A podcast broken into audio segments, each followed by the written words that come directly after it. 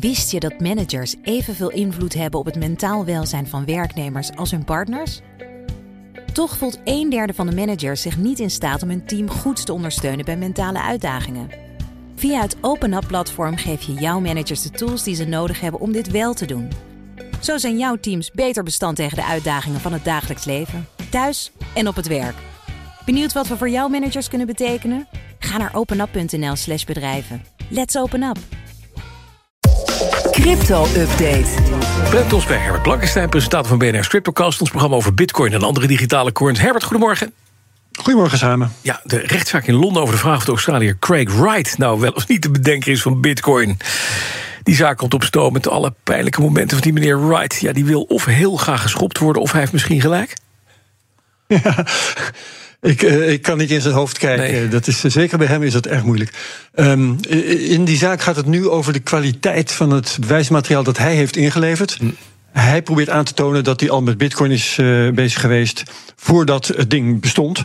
En zo heeft hij bijvoorbeeld een document ingeleverd dat zou dan gemaakt zijn voor de publicatie van het Bitcoin Whitepaper. Dat is het oerdocument van Bitcoin. Uh, het probleempje is alleen dat in zijn document referenties staan naar wel vier artikelen die pas daarna zijn gepubliceerd.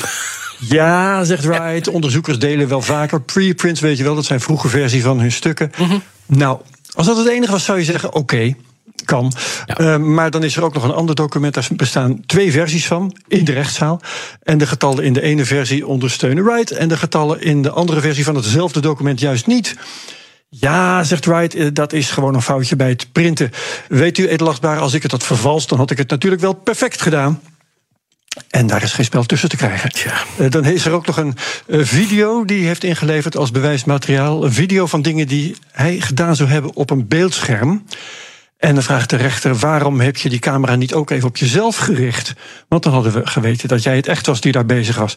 Ja, zegt Wright. Moeilijk hoor, een muis en een telefoon tegelijk vasthouden. Um, en als er dan later in de zitting een andere video is waar hij wel zichzelf erbij filmt. Dan komt de rechter daarop terug en dan zegt Wright: Ja, als ik dat wel eens doe, dat betekent nog niet dat ik het leuk vind. Oh. Nou, Wright's verhaal rammelt dus op heel wat punten. Ja. En uh, ik ben benieuwd of er nog meer voorbeelden opduiken. Ja, maar het punt is, ik begrijp ook dat hij, dat hij zijn eigen expert heeft tegengesproken in de rechtszaal. Ja, dat is ook een heel sterk staaltje. um, op een gegeven moment spreekt hij tegelijkertijd de, een expert van de klagende partij tegen, dus uh -huh. tegenstander.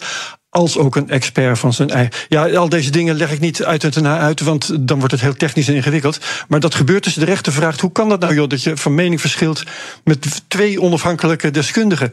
En dan zegt Wright in de eerste plaats dat hij ze niet onafhankelijk vindt. Hè? Wat wel raar is, want ze zijn door verschillende teams uitgekozen met verschillende doelen. Want de een moet hem aanvallen, de ander moet hem bijstaan. Ja, precies. En ten tweede trekt hij dan de deskundigheid in twijfel van de getuige die zijn eigen juridische team heeft uitgezocht. nou, dus het gaat lekker in Team Craig Wright, jongens. Dat kan nog leuk worden de komende tijd. Ja, die arme man. Nou ja, oké. Okay. Dan ja, Solana. Nou, hij is niet arm hoor. Nee, hij is, nee, daarom. Hij kan deze juridische procedure prima betalen. Maar het is toch wel een beetje treurig dat je zo erg uh, graag uh, gezien wil worden als. Uh, ja, okay. ik weet nog niet of hij tra een tragisch figuur is of een hele kwaaie genius. Maar ja, we zien het. Misschien nou, komen we daar ooit nog eens achter. We weten het niet. Hij vindt het zelf niet, denk ik. Nee. Solana zou een Ethereum-killer zijn, maar dat schiet niet erg op. Want eerder deze week liep het hele netwerk hopeloos vast. Ja, uh, Solana is uh, net als Ethereum dus, is een blockchain met een protocol uh, dat smart contracts mogelijk maakt. Bijvoorbeeld NFT's, hè, je weet wel. Um, en in het verleden heeft de blockchain van Solana nogal eens gehaperd. maar de laatste keer was alweer een jaar geleden, februari 2023. Dus de problemen leken uit de wereld. En de laatste tijd is mede daardoor Solana spectaculair in koers gestegen. Van uh, nog geen 15 dollar in juni tot in december meer dan 120 dollar. Nu staat hij op 101. Uh, maar dinsdagochtend ging het dus mis. Opeens waren er geen transacties meer mogelijk. En ja, na vijf uur was dat euvel onder controle. Maar, en wat het probleem is, dat weet ik nog niet eens trouwens hoor. Maar vijf uur een blockchain die niet werkt en geen transacties mogelijk. Ja, dat is heel slecht nieuws. Mm -hmm. Wat wel opvallend is, dat is dat de koers zich er heel weinig van aantrok. Niet van het uitvallen in de eerste plaats en ook niet van het hervatten. Maar het is wel slecht nieuws hoor dat het net netwerk van Solana nog niet zo betrouwbaar is ja. als dat van Ether of van Bitcoin. Ja, webmaster waarschijnlijk te tukken na een zware pizza en werd vijf uur later wakker. Denk je dan altijd. Hier is een coin die wel flink is gekelderd: eh, Monero, de privacy coin.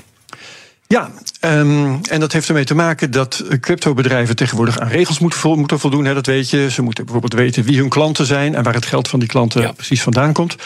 Monero is nou juist ontworpen om dat onmogelijk te maken. Hè. Uh, wat je ook doet, het is via de blockchain van Monero niet te achterhalen.